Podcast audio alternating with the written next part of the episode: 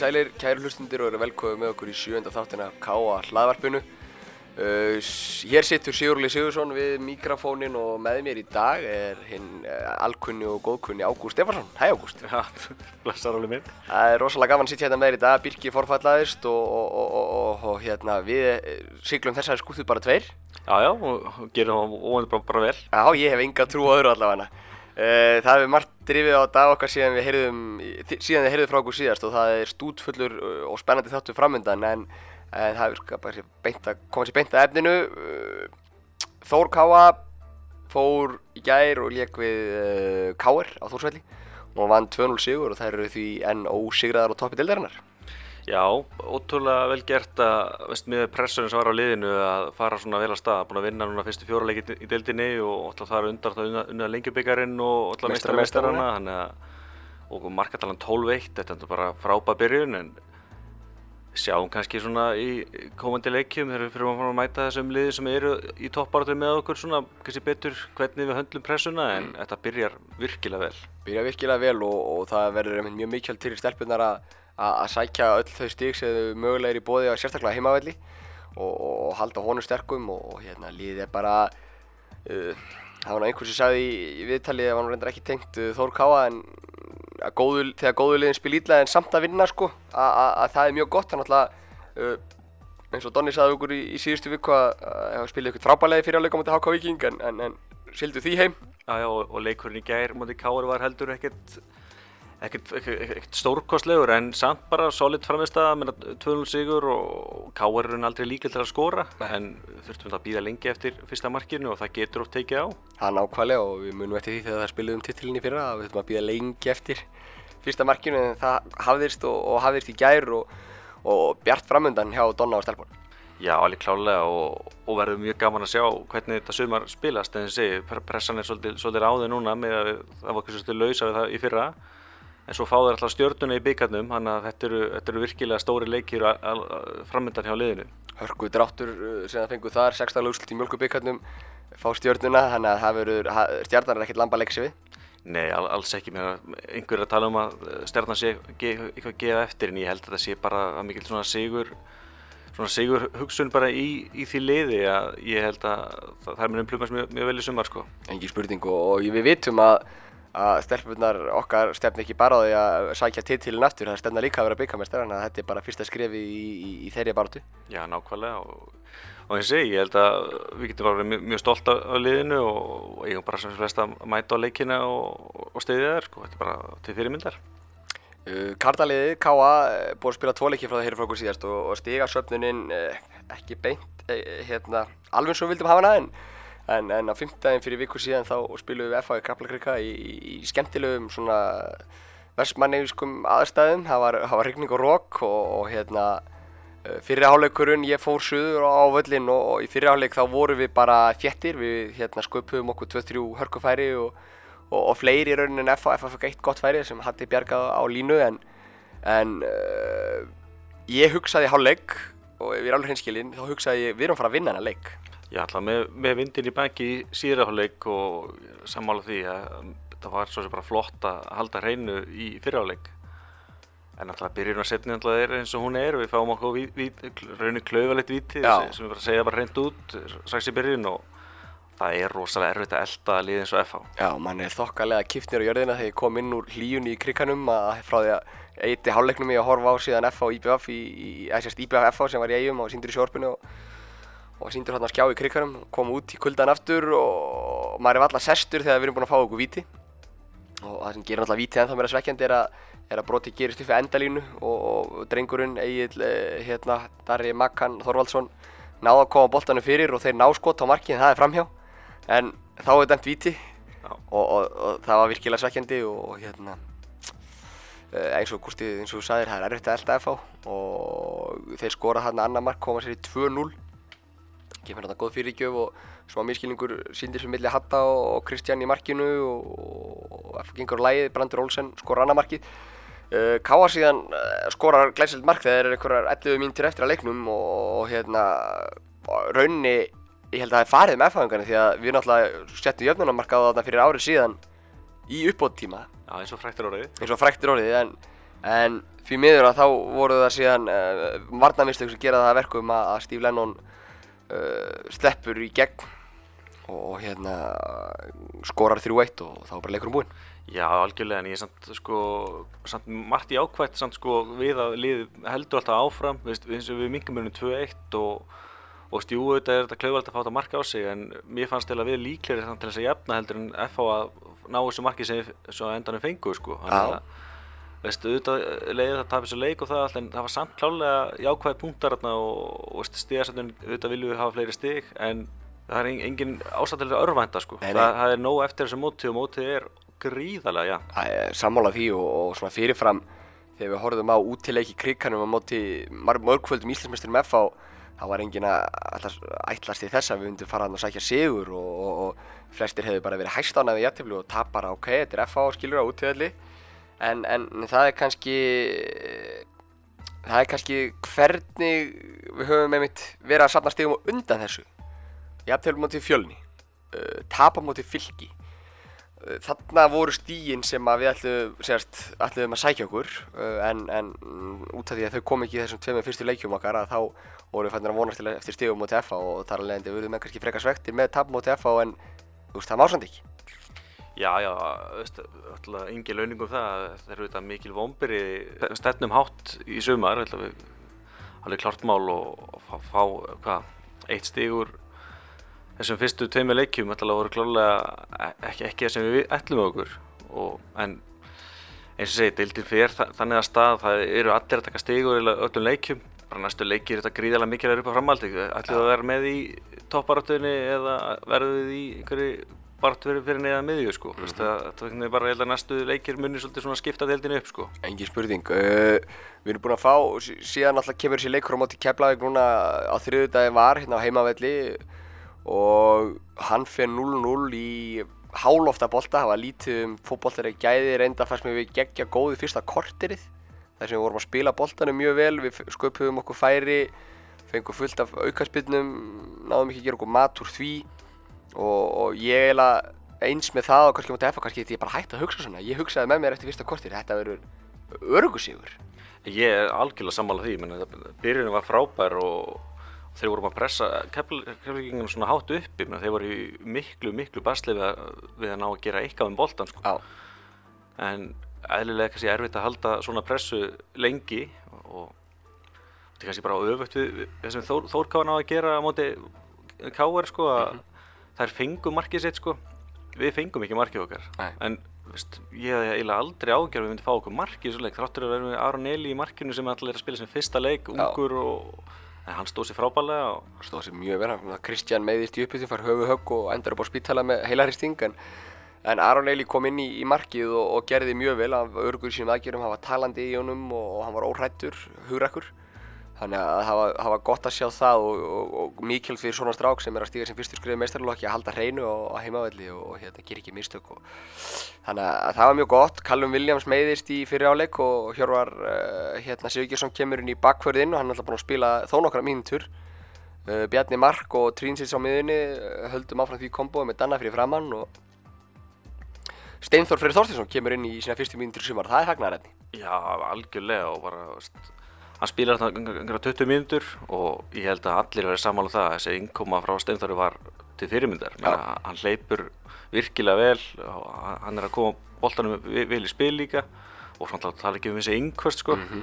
Bara þetta er stór hættulega stórhættulega fyrirgæðir þessi innkvöst hjá hann sko. og þetta er bara auðvitað maður sem viljum bara auðvitað bara fá í fáin liði og þetta er mikið fagnaröfni hans er komin, komin inn aftur Nákvæmlega og hann, hann, hann hérna breykar hópin okkar og, og, og, og gerir það bara verkum að þú fæði fleiri kosti sóknarlega að velja þó svo að það hef ekki hérna skila marki á uh, þriðudaginn að hérna þá náttúrulega líka var ekki beint aðstæðu til að spila neitt fallega fókbalta. Nei, og, og maður verður bara að minna aftur á að held, heldur en að félagsfund núna um, um daginn sem við kynnum fyrir okkur, sem við viljum gera okkar svæði, við viljum fá gerðugarsvöld hér, því að skulum bara tala reyna íslensku. Það er ekkert viti því að vera að spila á venjulegu grassi hér fyrir norðan.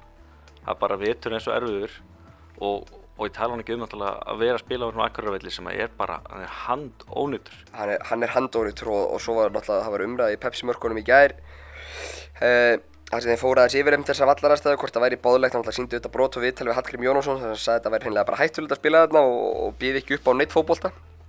Og við verum bara að taka undir með Hatta þó að hvorki ég en þú höfum spilað fótbolta á þessu leveli en, en við bara þreistum Hatta fyrir því að það sé ekki bóðlegt að spila fótbolta á þessum í þessum kartablugarði sem að Akureyrar lítur út fyrir að vera.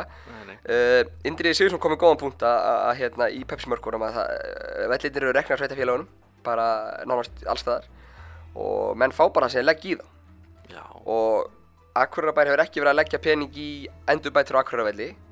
Og við vonumst alltaf til þess að það sé þess vegna, sé vegna þess að þeir séu með það markmið að byggja upp á káarsæðinu og þá skilum að það að vera ekki að grýta peningum í völl sem er verið að taka notkun eftir 1-2 ár.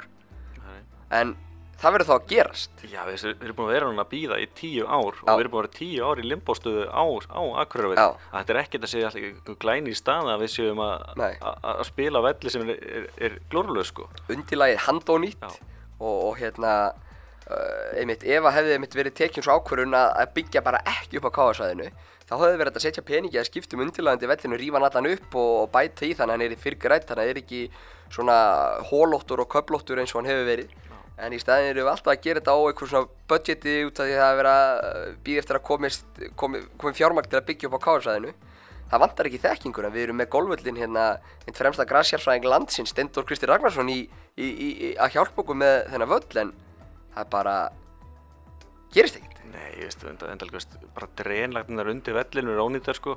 Þannig að það er alltaf að fylla upp í einhver rennandi blöð, blöð göt á vellinu með, með sandi sko, en það sér bara, það, það voru nokkur sinnum í, í leiknum keflaði þess að menn voru bara að sko fljúa hausinn af því að þeir eru allt einu komnir úr grasi yfir í sand Mhm. veist, þetta er alltaf bara glórulust og það er bara ótrúlegt að það sé ekki búið að vera alvarleg meðsli Já, sem betur fer bara 7-9-13 sko að hérna því að við erum eftir að spila þetta í allt sumar. Já, nákvæmlega. Uh, og það er þá kannski það sem kemur líka að hérna uh, hjálpar okkur ekkert mikið því að ég held stöðu fyrir stöðu erum við með tölvöld erum við með sterkara lið en Keflavík.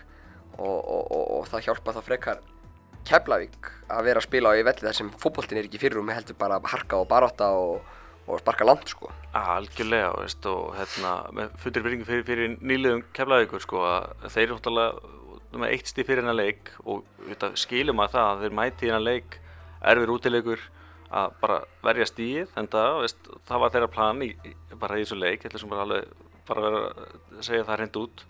Og auðvitað hjálpar það að völlurinn sé eins og hann er að það sé erfitt að ná upp góðu spili. Mm -hmm. og það var svona kannski eitt, eitt punktur í viðbót sem langar að taka út úr leiknum svona óháð hvernig vallaræðstæði voru en, en það er einmitt uh, þetta fótboltin var ekki í fyrir rúmi það var harka að vera að verja stíið Áskir Sigurgjesson það er brotið á hann 6 sinum á fyrstu 15 mínútur um leiknum. Og það, hann er eiginlega bara sparkar út úr leiknum Já, það var greinilegt plan hjá keflíkingum að ná honum svolítið úr jafnvægi. setja tónin svolítið Já, og það veist þið að allir tekið til því. Já, mér fannst það einmitt uh, mjög ábyrrandi og, og kannski það sem ég þótti verst bara brotin voru svo sem er kannski ekki það var engin illur ásetningur í þeim það var harka, það átti greinilega að láta menn finna fyrir því, þú veist, koma að fylgja vel í gegnum tæklingan, það var engin með sólan á lofti það var engin að reyna að meiða en hins vegar þá verið að gefa tónin og það sem dómari leiksins gerði einmitt ekki vel það var að venda leikmenn. Því að, veist, það er áskir sem lendir í ég veit ekki, ætla ekki að leggja það á keflingarna þegar þeir ákveði á, hérna, verðum að sparki áskir þeir meira bara þá sem hefum boltan ef hann komin nokkað vallarleik þá bara er brotið, það er bara harka og það er bara öskur og læti. Og, og Ásgeir var svo óöfinn af 6 sinum á fyrstu 15 mínútu þá var hann sem lendi í því að vera að sparka það niður. En, en hérna, mér var sem Helgi Mikael Dómar Leksins ekki gera vel í að, að hérna, dreifa spjöldum og að venda einmitt leikmenn því að það er nú hlutverk dómarnas uh, ofta tíðum að venda leikmenn Já, ég, það var frekar mikil óanægja með Helga með hennar leik, en ég, svo sem, ég, fyrir mitt leitum, ég fannst það ekki bitna á okkur, mér bara, það var kannski bara henda keflingum betur, þeir voru bara mætti meira í fætingin, sko. Já, En já, já, eins og þú mér 1 og 3, það þarf að verja leikmenn og, og við viljum ekki, við viljum ekki sjá endalins brot, við viljum alltaf að leikurinn fá að flæða og þá þarf hann bara, bara koma svolítið inn í leikinu og bara mitt spjaldaminn, bara stoppa svona. já. Uh, næsti leikur KR á móti KR stelpunnar spila á móti FH einmitt sama dag. Uh, við spilum við KR á sunnundaginn og stelpunnar við FH á sunnundaginn bæði hérna á höfuborgarsvæðinu uh, KR-ingarnir eru eins og, eins og við með hafi ekki náð kannski markmiðum sínum í stigasöfnun og við erum að spila við þá heimavætti þegar við erum alveg gæðin vellinum og, og hérna, það verður hörkuleikur. Já, ég er reynt að fastlega með því eins og sem ég finnst það bara mjög áþekklið. K.R. náttúrulega er í breytingaskeiði og ég held að við getum alveg verið bjarsinn á hann leik. Eins og segja, sko, þetta er, næstu leikir er mjög mikilvægi fyrir okkur og ég held að túfásargarnir séu, klárið í slegin og, og fáandið að spila meiri fókbólta á, á betri velli. Akkurat, K.R.ingarnir spila líka Uh, kerfi vonandi sem hendar okkur, við erum alltaf unnið á undirbjörnstíðanbílinu eftir að hafa lengt undir, alltaf 2-0 í eilsvöldinu, unnið að koma tilbaka til úr 2 og eða hvort hefur lengt 1 uh, Komist í 1-0, lendur 2-1 undir og komið tilbaka til úr 2 Akkurat, akkurat, hár rétt ágúst og, og hérna þeir spila eins og ég segi með bakverðan hátt, þeir eru með mjög sóknar sinna bakverði Kristi Jónsson vinstra megin og Morten Beck hægra megin. Og það ætti að gefa Hallgrím Stengri sinni og, og Áskjöri Sigurgjör sinni og Steinþóri að vera með pláss tíma til að nýta sína styrkleika. Og ég held að það gæti verið líkillin að, náttúrulega fyrir það að halda hreinu og vera þétti tilbaka vartanlega þegar þeir eru með skein og hætta sóknarminn að það gæti verið líkillin að sigri að hérna, nýtt okkur það Já, algjörlega, ég held líka ef við rýnum líka svolítið í svona káalið að ég held að það henda okkur yfir betur að vera liðið sem er verst og sækja hrætt, en það eru mikið mik mik hrað að sóknarlega mm -hmm. og þess vegna er ég ofta meira stressað þessi káamæði fyrir leiki sem við erum að vera sterkara eins og móti keflaðið sko.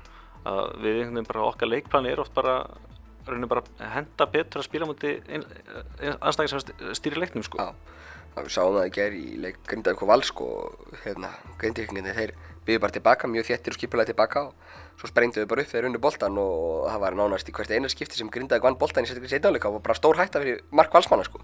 Bara skyndisóknir og ég held að K.A.C. geta ósvipalið Grindavík. Mjög, mjög skipulegt tilbaka og, og, getur sótt á mörgum mönnur hratt og mikil gæði fram á því. Já, sammálaði Uh, annað svona sem að, að hefur hérna, en alltaf fyrir utan það, við kveitsum alla, alla káa menn hvort sem þeir alltaf gera sér bílferð hérna sunnundarspíltúr á, á sunnundaginn að fara á annarkvárt káa, eða káar káa eða FA Þór káa uh, eða þá brottvilið lutta akkurýringar Reykjavík að kíkja á leikinn og, og styðja strákana og dúfa. En það var sér snú okkur að hérna öðru árum fyrir að kynnin, kynnin gestin okkar en, en, en svona fyrir utan þessa fókbóltaleiki allar sem voru síðustu viku að þá þá var loka á handbóltans líka, hérna yngir flokkana, slút og fullt káheimili af fóreldurum og krökkum að gera upp vetturinn og, og það hefnaðist bara vel ekki sett.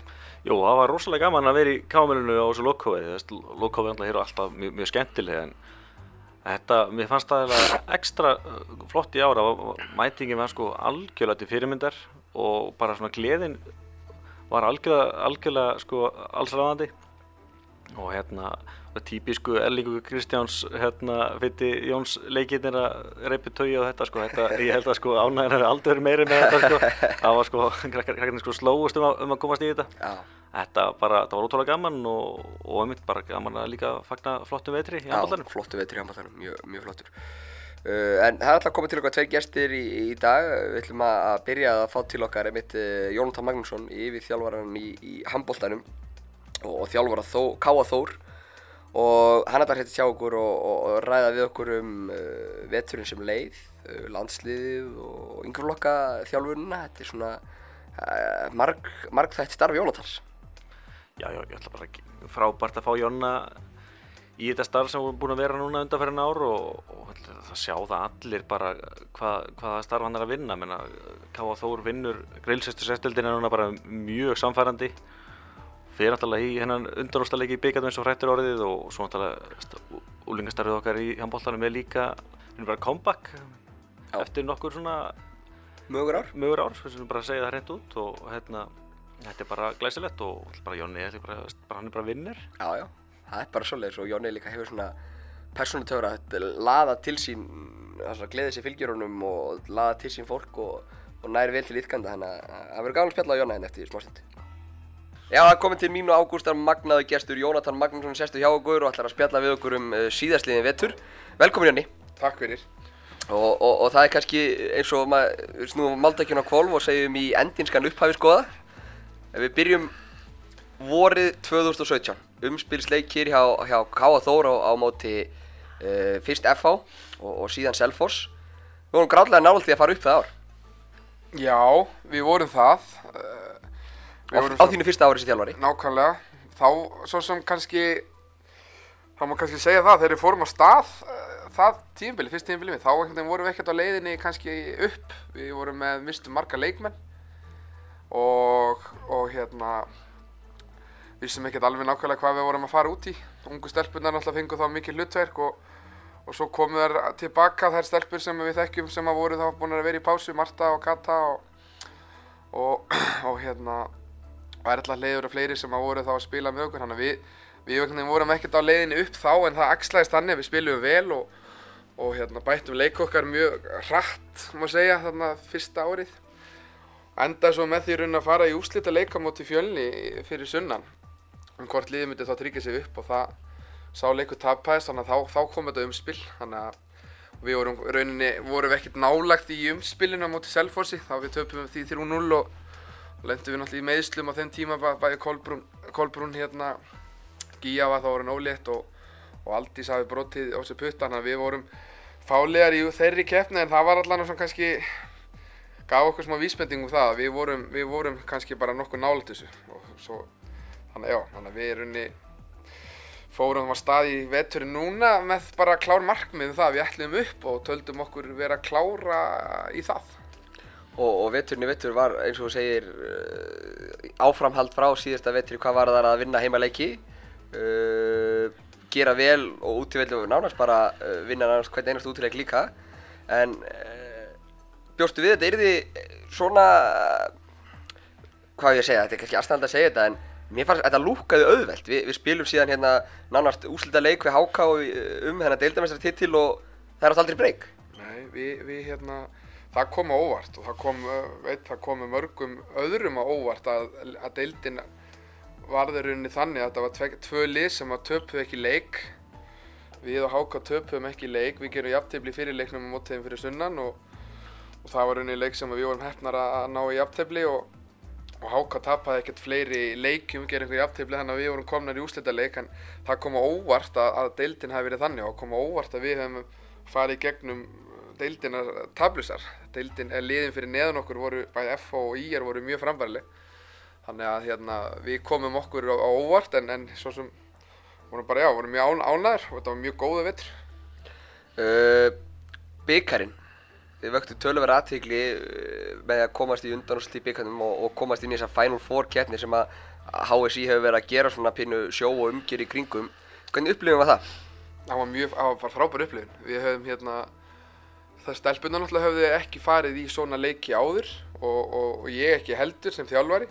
Þannig að þetta var sérst ný reynsla og, og hérna, ekki það að þegar við vorum búin að vinna fjölni samfærandi í áttalúslitum og komnar sagt þá í þetta Final Four þá, þá fundum við að okkur var ekki spá góðu gengi í, í þessum leik þegar við haugum en, en við töldum okkur að raunin kom okkur ekkert óvart uh, hvernig leikurinn þróaðist þessi leikurinn mútið haugum en, en, en hérna en upplýðinu var frábær og, og hérna þetta Final Four dæmi hjá HSI er bara mjög flott og og hérna vel að því staði þannig að við fengum svona smá það var svona mjög góð gullrót fyrir okkur að komast í hérna leik og og erum í rauninni vorum bara það mjög svegt að hafa ekki hreinlega bara hreinlega hafa ekki unnið þennan leik sko, farið þá í úrslit Það er alltaf talað um þessi að byggarinn geti trublað.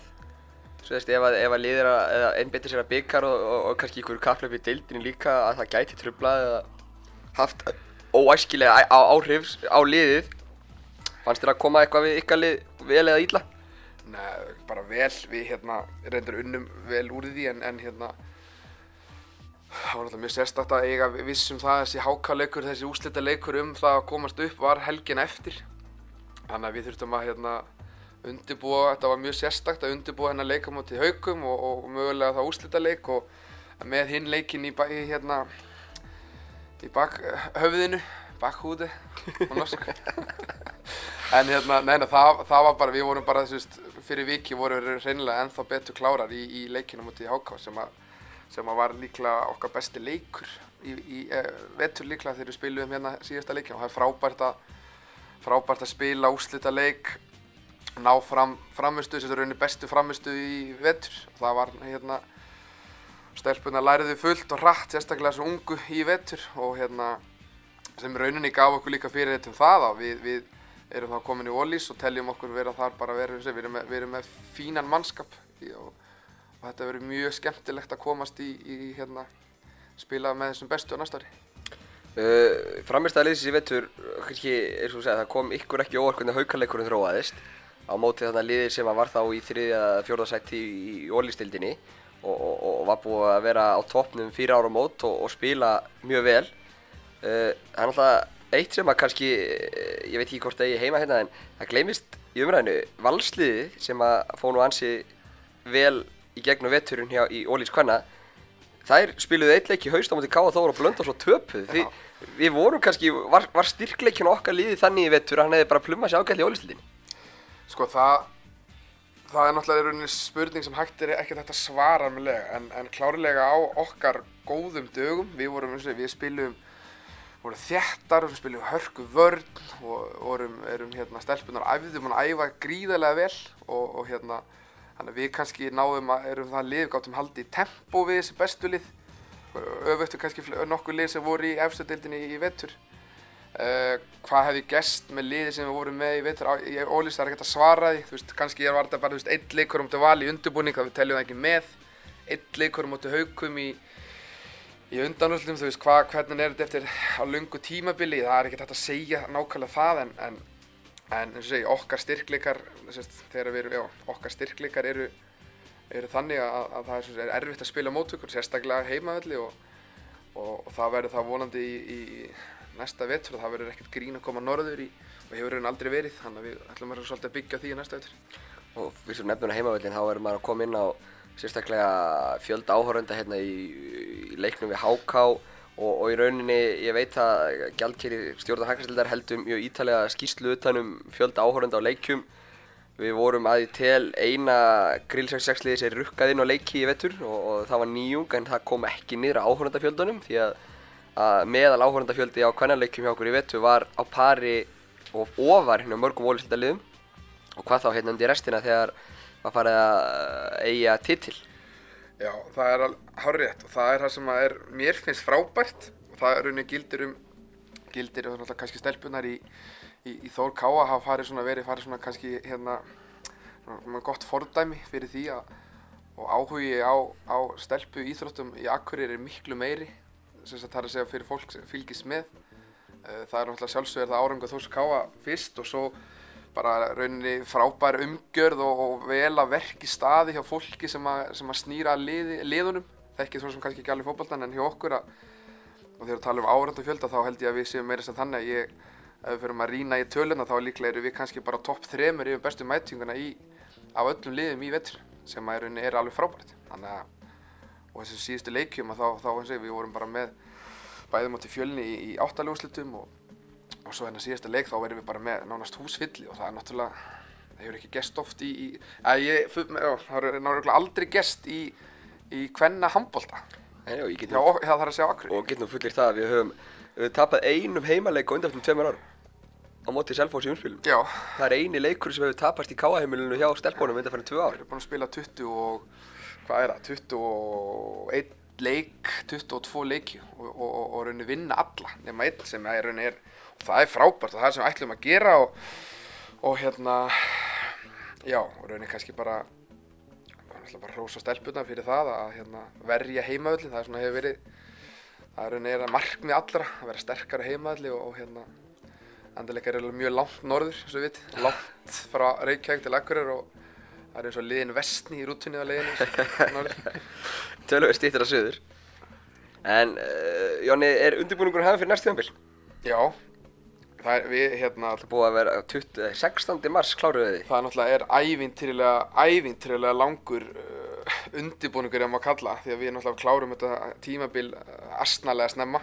tveir mánuði síðan. Já, og byrjum svo ekki, eigum við svo ekki fyrsta leik í, í, í hérna, Íslandsmóti fyrir nengt sem hann í miðjan september.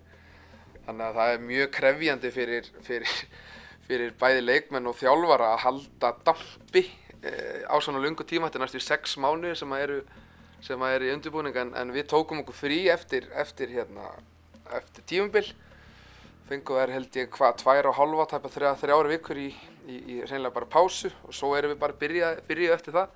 Þannig að þær eru bara núna staddar í staddar núna bara í svona hefbundum undirbúningi með mikið af liftingum og, og, og hérna á hlaupum, við erum aðeins í bolta, þannig að þetta er svona freka klassíst en en stelpunar fá, uh, koma því fram hérna hrós skilja, þær eru búin að vera að æfa hrikalega vel og það gildir raun um allar sem, að, sem að er í hópnum, það eru að æfa allar mjög vel hjá mér og, og auðvelt að fá það til að mæta á æfingar sem er sem náttúrulega bara snild.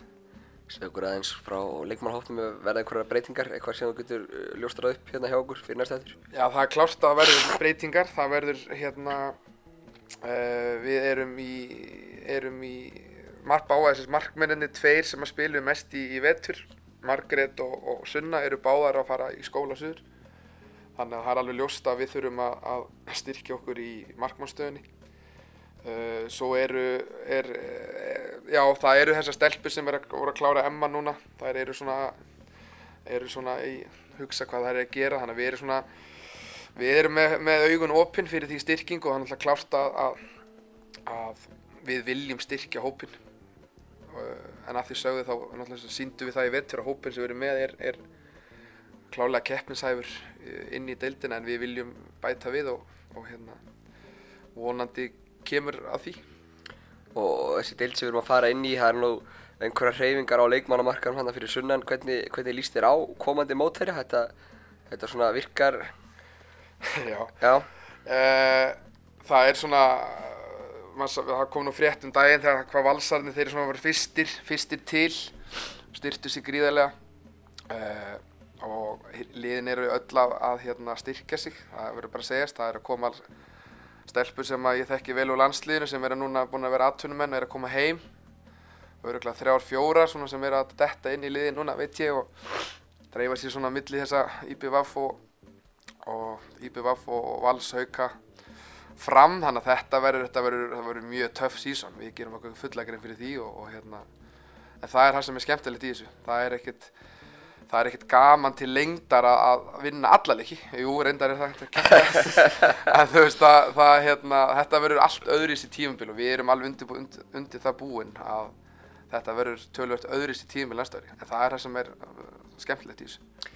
Hvort aðeins hérna og þekkti stelpuður landsliðinu nú, þú er búin að vera aðstofa landslýstjálfari hjá Axel Stefánssoni með, með hvenna landsliði núna, uh, hvað, eitt og hálft, tvö ára að verða, að hérna, hvernig er svo tíminn búin að vera á?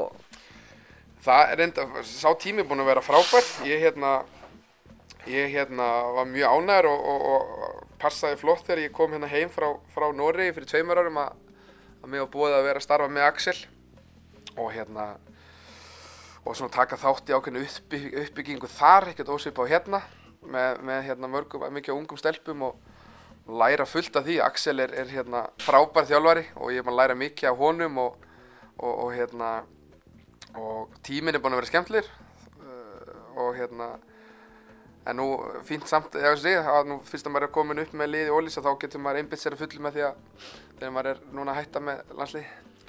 Og þú áttum hvað eitt verkefni eftir þetta með landsliðinu núna og þau eru að, hérna, og segir skilju við það og þetta er að sakna sér með landsliðinu? Já, ég, ég hérna, já já, klárlega, það, ég, hérna, það var mjög skemmtilegt og hérna gaman að fara, eins og segi, gaman að fara bæði náttúrulega að vera með stelpunar og ekki minnst að fara þá í, í þennan alþjóðlega bolta þar sem að maður er að prófa sig þessar stelpunar á móti kannski bestu liðum í heimi. Við höfum spilað, landslið hefur spilað móti mjög góðum liðum. Spilum meðal annars á móti Hollandi, í hérna tvo leiki. Hollandi nú eitt af fjórum bestu liðum í heimi. Spilum móti Dönum núna, bæði hérna. Þannig að við erum rauninni kannski að máta okkur við bestu handbólta stelpur í heimi sem er náttúrulega frábært verkefni og reynsla. Þannig að, þannig að hérna, já, þannig að ég man ekki hvað það er. Hver er spurningi? Var einhver spurning? Já, bara hvort það væri gaman með landsliðinu. Ég ég ætlaði að fylgja því síðan eftir hvort það væri gaman að fara í ferðalöðu með landsliðinu og ferðast með þeim. Jú, jú, veröld. klálega. Ég, hérna, ég er búinn að fara uh, út um, já, mörg lönd en, en hérna, ég er svo sem getur nú ekki eins og nefnt hvert ég er búinn að fara, sko, því að ég er yfirleitt bara í símanum og veit ekki sem hvað er, sko. Þannig að kannski segja meira um mig en, en svona vennilega, ferðalang. Uh, samlega því að þjálfa meistarlokk uh, K.A. Þór, uh, Jonni, ert þú líka yfirþjálfari yngri flokka hjá K.A. og, ert að hérna, fara inn í því þriða tíðanbill í því starfi eins og með kvennalið. Hvernig, hvað, hvað er það, Guðs, hvernig lýsir því jobbi? Það uh, rauninni er bara þannig, við, sem sagt, úlingaráð Káa fór, tók þá, ákvörðun hérna árinu áður en ég kom heim að ráða yfirþjálfari fullstarf. Það tel ég hafa verið mjög metnaðafullt uh, skref í ólingaránu. Mitt hlutverkurinn er bara er það að reyna að hafa svona rauðan þráði gegnum, gegnum starfið, aðhalda þjálfurum og, og, og, og hérna reyna að setja einhverja línu inn í, inn í starfi okkar. Við erum alltaf með, K.A. hefur gegnum tíðina eins og það þekkist, við hefum verið með frábært úlengastarf og hefur svona kannski hefur kannski svona aðeins dotti niður það er að segja kannski í árangri við tölum um árangur í yngri flokkum en, við erum með upplið þar við erum að bæta við yfkendir uh, fjöldan okkar núna uh, bætast held ég núna já 20% á tveimur árum og, og það rauninni bara þessi, það starfi mjög skemmtilegt og það hérna kannski svo mestu tími sem fer hjá mér er það rauninni er í það að það er náttúrulega að þjálfa yngstu flokkana bæði stelpur og stráka í 8. og 7. flokki og hérna þannig að það, það starfi mjög skemmtilegt og, og, og, og rauninni er, er bara, hvað maður að segja, við horfum til framtíðar þar að, að byggja upp yngri flokka hjá, hjá hérna K.A.K. og Þór uh, fara að reyna að gera það vel. Svona einhver svolítið krefjandi spurningjóni á þig og hérna setju því kannski í erfiðar stöðu að svara henni hérna en er Jonni Magg, er hann góðu þjálfari? Já, þetta var aðtíklisverð spurning sér Óli. Það, já, já, hvað er góðu þjálfari Óli? Já, það er að spyrja mig á móti. Ha? Nei, nei, en, en þú veist, svo öllu, öllu gríni sleftu, nú ertu búin að vera með landslegu, komið lið upp í Ólís, uh, telur þið geta þjálfa þá, þú veist, get, getið þú í framtíðinni sér fyrir þér að vera að þjálfa Káa Þór sem besta lið á landinu, getur fyrir þér að vera aðal landslýstjálfari, hvað hva, hérna, hvað er líka metnaðurinn? Já, menna, það er mikill metnaður hjá mér í, í, í, í þjálfun og ég er sérst náttúrulega núna er ekkert með langan mistarflokksferil sem þjálfari að baki, þannig að ég er búinn að vera þjálfuð til Nóri, bæði, bæði stelpur og sérst kalla á kvennalið og núna er ég búinn að vera með, með hérna, Káa Þór í á þriðja tíðinbili. Metnaður minn er, er mikill en, en hann er heldur alls ekki síður í, í yngri flokkunum þar sem að hérna þar sem að ég sé fyrir mér að, að sérst, þjálfari sem er að þjálfa yngri, yngri flokka hann á að vera með jafn mikið metnað og sá sem að er að fara vil vera mistarflokki og þannig að ég er svona kannski bara, já, er eiginlega þar að þetta er svona svolítið bara svona staður stund hjá mér, reyna að gefa mig alla ný verkefni sem ég er með og, og hérna og svo einhvern veginn bara er það yfirleitt þannig að ef maður er duglegur og sinnir hlutunum vel að þá yfirleitt kannski fær maður fær maður borgað í því setna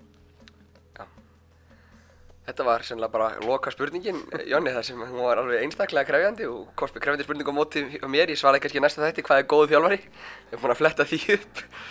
En Jónni, takk fyrir að koma í spjallir okkar, Gústa. Já, bara takk fyrir að hafa mig. Loksins. Já, Jónatan alltaf léttu ljúur og kátur. Ég var svona, leika mér að því aðeins að gefa honum erfiða spurningar. Hann hérna challenge sjálf og, og það er bara gaman að því. Já, ég, ég held að Jóni hafi svo sem mjög gaman að krefandi verkefni en það væri hann ekki að gera það sem hann er að gera í dag hann að mjög gaman að sjá hvernig hann tókstu tókst þessar spurningar. Já, mér er sérstaklega spurningin sko hvort að hann finnst þetta sjálfur vera góðu þjálfari sko að hérna, ég skal loka því, ég kem með skilgrinning og góðum þjálfari í næsta þætti ég, ég ætla að undirbúa mig fyrir það en, en, en þá líka ætla ég að rauka Jónatan um það einhvern tíma setna þegar hann kemur til okkar aftur í, í hlaðvarpi hvort hann sé í alveg góðu þjálfari. Já, ég er því spenntur. Já, og í hverju er góðu þjálfari metin? Er það, er það í árangri, er það í, í, í gleði yfgönda, er það í einhverju velunarpenningum? Þetta er, Ágúst, þetta er hérna heimspekil spurning. Mjög heimspekil spurning. Spurning að fá Beta Jónusar Já, heimspeking. Það er maður sem ættir að koma í káalharfi. Já, það getur nú einhver villis sem töluð þá.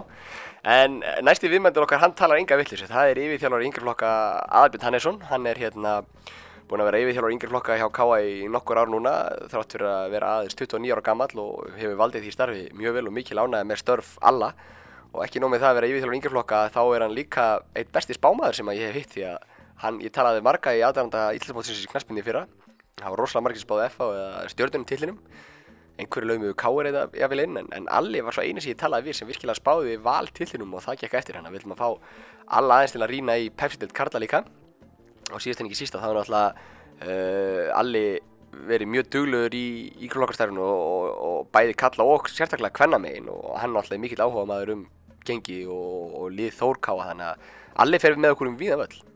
Já, en þessi Alli er algjörlega frá, frábær og ég held að hvernastarfi í káa sé er bara svo, svo, svo mikið ba- bara alli því að hann, hann mér svaka kraft í þetta og, og við erum að njóta virkilega góðs af því og, og, pluss það alltaf við erum bara, bara yðkendafjöldin er búin að vera svo svakalega stígandi í þessu. Já, það er ekkert grína að stjórna, stjórna og halda utan um það, það er ekki spurning og, alveg hefur gert vel hann það verður fróld að fá alla til okkar.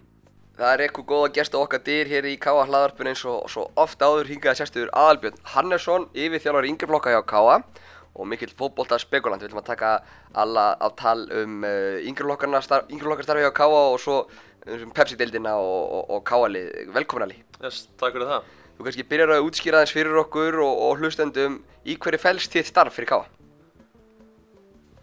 Það er... Það er margslungið. Það er margslungið. Það er alltaf kannski aðalega að hafa umsjón með starfinu frá 8. flokku upp í annar flokk og vera í samskiptum við þjálfara og passa allir hann að fái sín æfingatíma og annað slíkt þegar að eitthvað bjátar á eins og móti bóðanum og, og annað slíkt. Og svo líka kem ég að mótahaldi á Káa við hann að held að ég getur fullist að við séum það félag á landinu sem halda heldur flest mót. Við erum hann að voru með í vetur tvö stefnumót eh, fyrir hann að yngstu krakkana fjögur helgamót fyrir krakkana í þriða og fjóra flokk og kem að þeim öllum mótum ásand korfurskólanum ég er svona er í sambandi við Heiða Byrnin sem hann sér um skólan og, já, og bara það er spennandi verkefni. Ásand því og svo er ég að þjálfa líka tvo flokka þannig að það er nóg að gera. Þannig að það eru fleiri klukkutímar í sólverknum með þér en okkur hinnum Já, ég allan að gera mikið sko en eins og þú. Uh, Sumar er framöndan, hvað, hvað sérðu fram á í, í sumar hengiflokkunum Káa? Ykkur fjölgun ílkenda, hvað eru margir að æfa, mörglið í Íslandsmóti og svo framvegs einhver svona, eftir með einhverja tölur í hausnum fyrir okkur? Já, ég reikna bara með að fjöldin haldi áfram að aukast. Svo sem ekki er sama sprenginga svo var kannski fyrir 3-4 árum heldur, þetta er svona orðið komið meira í jafnvægi sem er mjög gott. Og þannig að ég reikna með að þetta verði svona hátt í, í 700 í sumar Og, og 700 krakkar að æfa í þessum, hvað, 13 flokkum ef ég, ef ég telst rétt til, er annar flokkur karla og síðan þriði, fjóruði, fymti, sjötti, sjöundi og áttundi karla og hvenna. Já, Það lítur að vera þó nokkuð að þjálfurum sem að þú, sem að þurfu leiðbeiningu frá þér. já, við erum með hann að yfir veturinn hátt í 30 þjálfara og, og þeir eru flestir áfram í, í sumar og svo eru hann einni yngri þjálfarar, þannig að þetta eru yfir 30 þjálfarar í, í sumar. Og þannig að það er nóg, að- nóg að gera. Uh, við erum uh, með hérna lið í A-deildum ekki satt í, í öllum, þessum, þessum 11 manna boltum kallamegin ekki satt. jú, það passar. Og það, það lítur að vera eitthvað svona, ég veit að, að, að það er kannski erfitt að, að horfa á yngri flokkastarf og árangur alltaf, en við hljótum samt að vera bara meðal fremstu lið á landinu í, í, flestum flokkum. Og það er breyting frá þessum áður var ekki satt. Jú, algjörlega sko, það við erum akkurat með, eins og segir, strákanflokkana mjög öfluga og stelpurnar eru hana í alltaf öðrum flokk þær eru Íslandsmeistarar. Og í þriðja og fjórlokk þá eru þær, þær í B-dild en ég held að þær eru eftir að gera mjög vel í sumar og, og gera allavega að fara upp í A-dild þannig að ég myndi segja að við varum með eitt öflugasta starfið á, á landinu sem er klálega breyting. Allan að manni þegar ég var sjálfur í, í þriðja flokk þá spilum við bæði árin í, í C-dild og það var svolítið bara svona Já, það var einhvern gott ef Káa væri í B-dild á, þeim árum sem er náttúrulega fárlegt.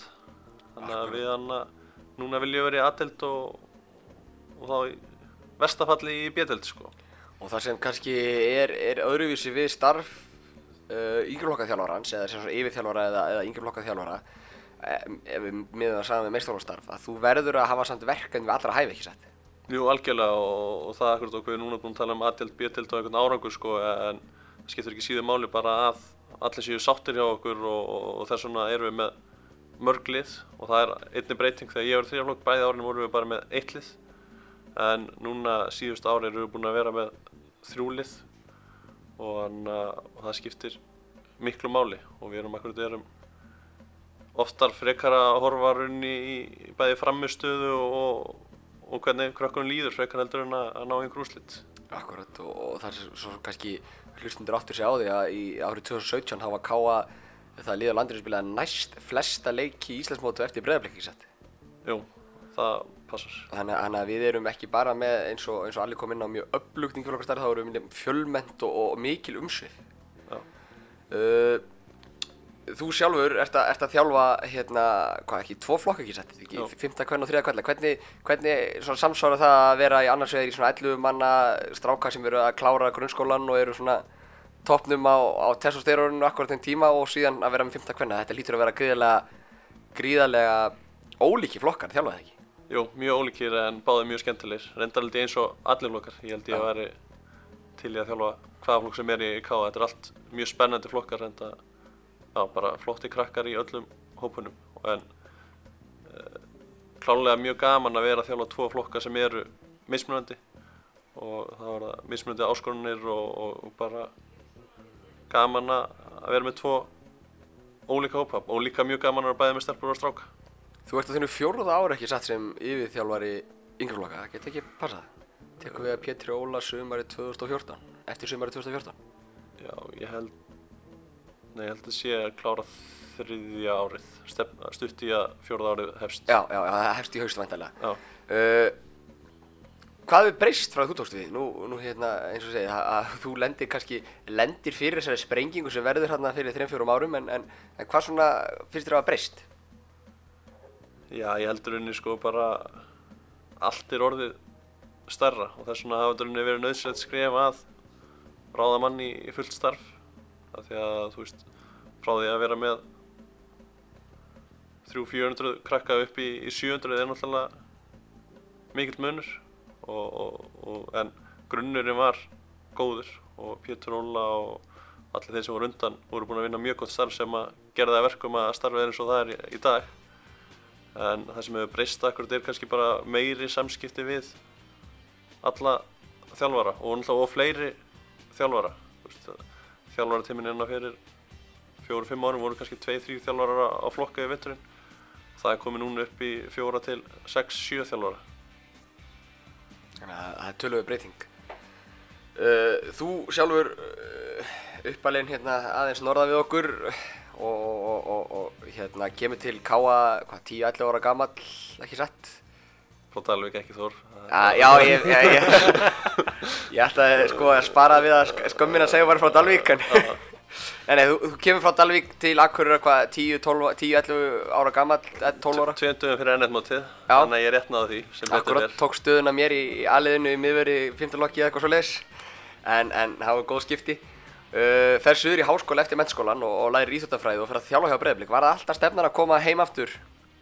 Uh, já, það var alltaf stefnum að koma heim aftur, hvort sem það var beint eftir skólan eða ekki.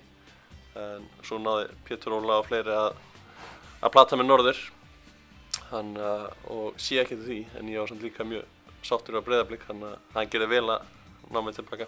Breiðablik svona er klúpur yngjörlokkastar sérstaklega sem að allir klúpar landinu lítur svolítið upp til. Þú lítur að geta yfirfært og hefur, hefur nýttir það að fengið að þjálfa hjá Breiðablik? Uh, já, algjörlega, lærði hann uh, mikið bara bæði sem þjálfari, lærði hann af mörgum öflugum þjálfarum hjá þeim. Og þannig að þetta var held ég mikið gefið spór fyrir mig að fara söður, ekki bara út á skólanum, heldur líka að komast í annað umhverfi og, og, og læra meira. Og svo einnig held ég að það hefði skipt miklu máli að ég færi þangað þegar að sprengingi var hjá okkur að ég var vannur að díla við stóra hópa og skipulag og annað slíkt.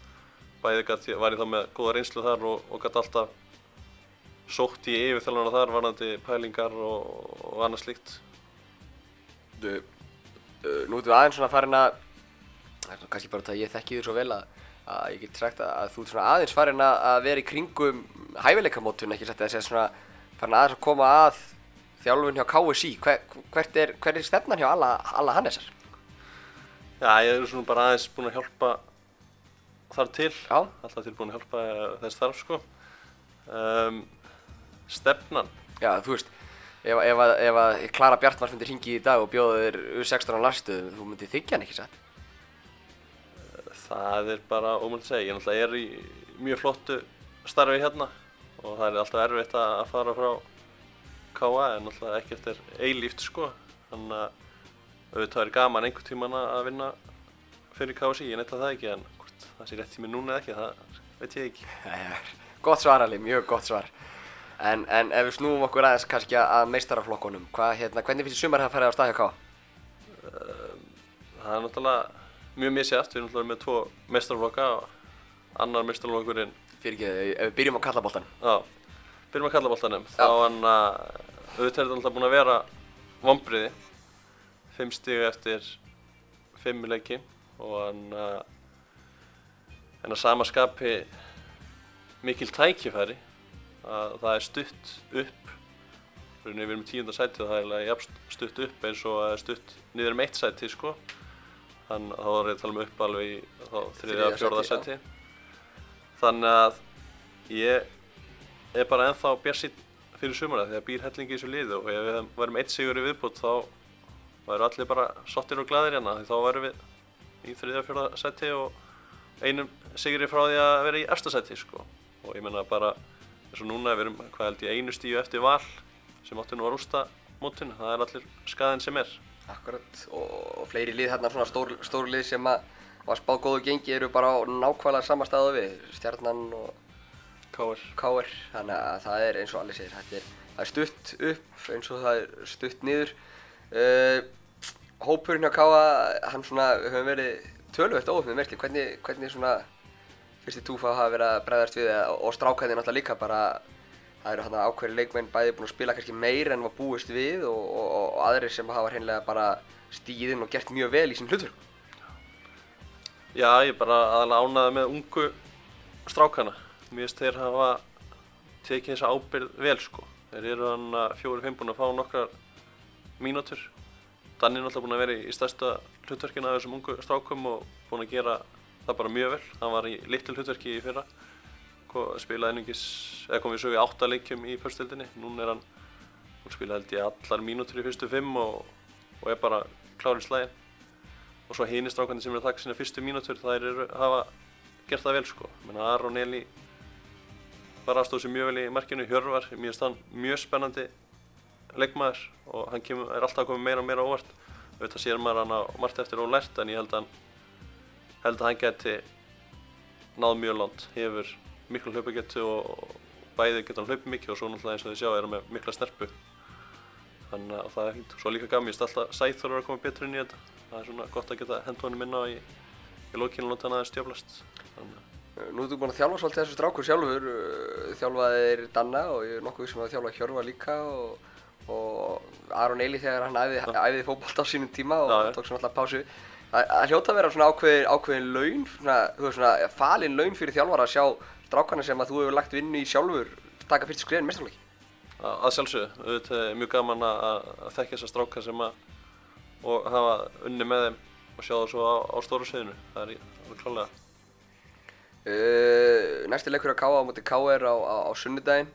Uh, hvernig sérðu, hva- hvað, hvað þarf Túfa og hvað þurfa strákarnir að gera til að, að vinna K.R. á, á,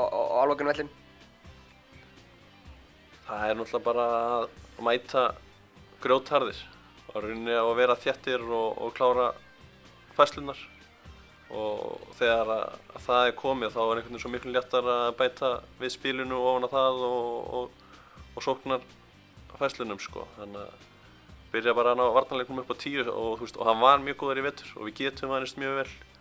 Og, og þegar það er komið þá held ég að, að við fyrir að vinna boltan á hættulegum stöðum og, fyrir að refsa anstæðingunum eins og við getum af því við erum með sem við erum klálega mjög öflugir vartanlega við erum líka með flotta sóknarmenn og, og ég held að sóknarleikurinn er, er eftir að batta bara með hvernig leiknum henni frá.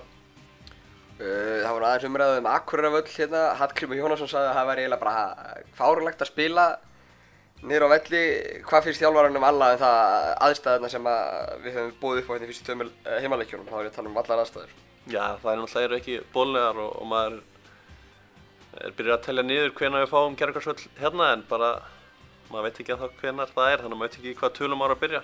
Og þetta er náttúrulega alveg skelvilegt að að halda með káa og, og er náttúrulega frábært að halda með káa en, en skelvilegt að, að búa ekkurir og þetta er liðimanns og, og þar lendi sér maður náttúrulega spara heimaleiki og, og þar eru aðstæðunar vallar bóðlegar þannig að það eru ekkert margir góði fótballtaleikir í, í sumar sem maður sér á Akurvelli varandi gæði og að því völlurinn er hand ónýtur. og, og eins og segir, fara að tella niður uh, gerðugrarsvöll hérna upp á káasvæði, hvernig, nú er einn völlur hérna fyrir sem að víður hérna fyrir nokkrum árum síðan, þetta hlýtur að einhvern veginn að umbylla allri aðstöðu þegar við fáum, fáum jafnvel annan völl með stúku og, og hlýtur að umbylla allri umgjörði kringum heimaleiki og, og, og svo jafnvel geti það gefið hérna strákonum og stelpunum í yngri flokkunum aukinn kraft að vera að spila jafnvel á sama vell og meistarflokkurinn spilaði á daginn áður er að spila á hann kvöldi eða hvernig sem er. Ef við gerðugræs þá er hann alltaf að spila ótakmarka á, svo að skemma eitthvað. Uh, þú lítur að vera spenntu fyrir komið tím. Já, ég menna það var algjör bylting þegar að gerðurgrassið koma á káavell og en núna bara er aðstæðan sprungin. Það er að segja að við erum að æfa langt fram eftir kvöldi og við erum ekki að fá jafn marga æfingatíma eins og við viljum í, í vikunni yfir, yfir vetturinn þannig að það mun breyta miklu að fá annan gerðugarsvöll bæði til að geta eftir eins og við viljum vanandi æfingatíma og æfingafjölda. Það er alltaf bóðilegt að til dæmis grunnskólakrakka séu að æfa hérna kannski tvísvar eftir kvöldmatt á vittunar og geta fært þá framar er þið mikil bót. Og séum hún náttúrulega, við viljum alltaf það er gaman að, við okkur finnst öllum gaman að sjá unga káakrakka í, í meistarlokk en þá þurfum við að vera með afreikstarf og sem stendur þá er erfitt að finna tíma í það.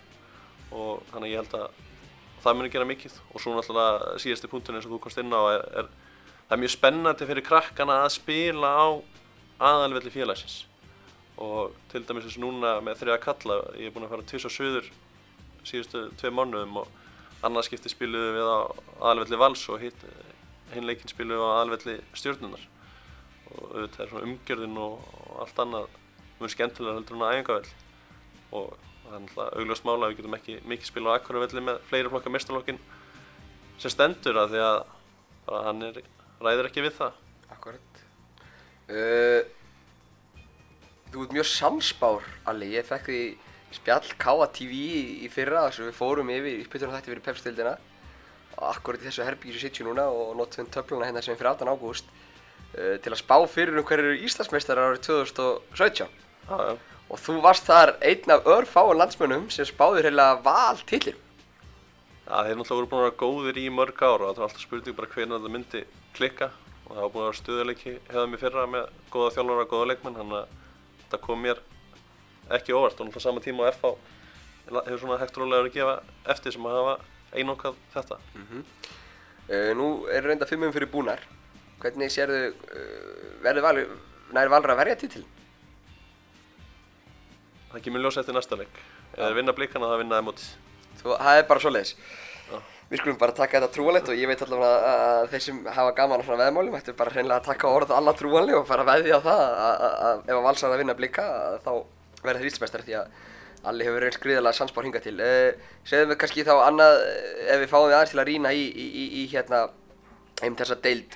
Hún náttúrulega hefur farið þannig á stað að þetta er jafntefnisdeildin 2018 og mikið jafntölum og, og gríðarlega þjættu pakki. Það nánast bara nánast eins og öll liðin séu ennþá með núlstig að, að mótið sér ekki byrja því að það er það stutt á milli. Það eru reyndar tvö lið sem eru hérna á botninu með tvö stík og síðan er þetta, er, eru blikarnir hérna á, á toppnum og uh, svo kemur þetta svolítið hnappur þarna, sjö stig nýri fimm stig frá þriðasætti nýri þetta tíunda uh, ef þetta, byrðum að spá svolítið svona top fjórir, bottom tveir, þú veist, hve, hvernig sér þetta spilast?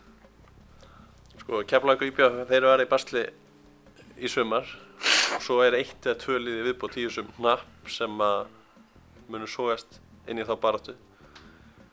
Það var létt að að segja fylgir sem eru enda með stig um, en það fyrir bara eftir hvað þeir ná að halda stemningunni lengi áfram sko, en það eru með hann þjálfara sem er hungraðar að gera eitthvað en þeir eru samt með sama hóp, eða mjög svipaðan hóp og er fjallu fyrir tveim árum.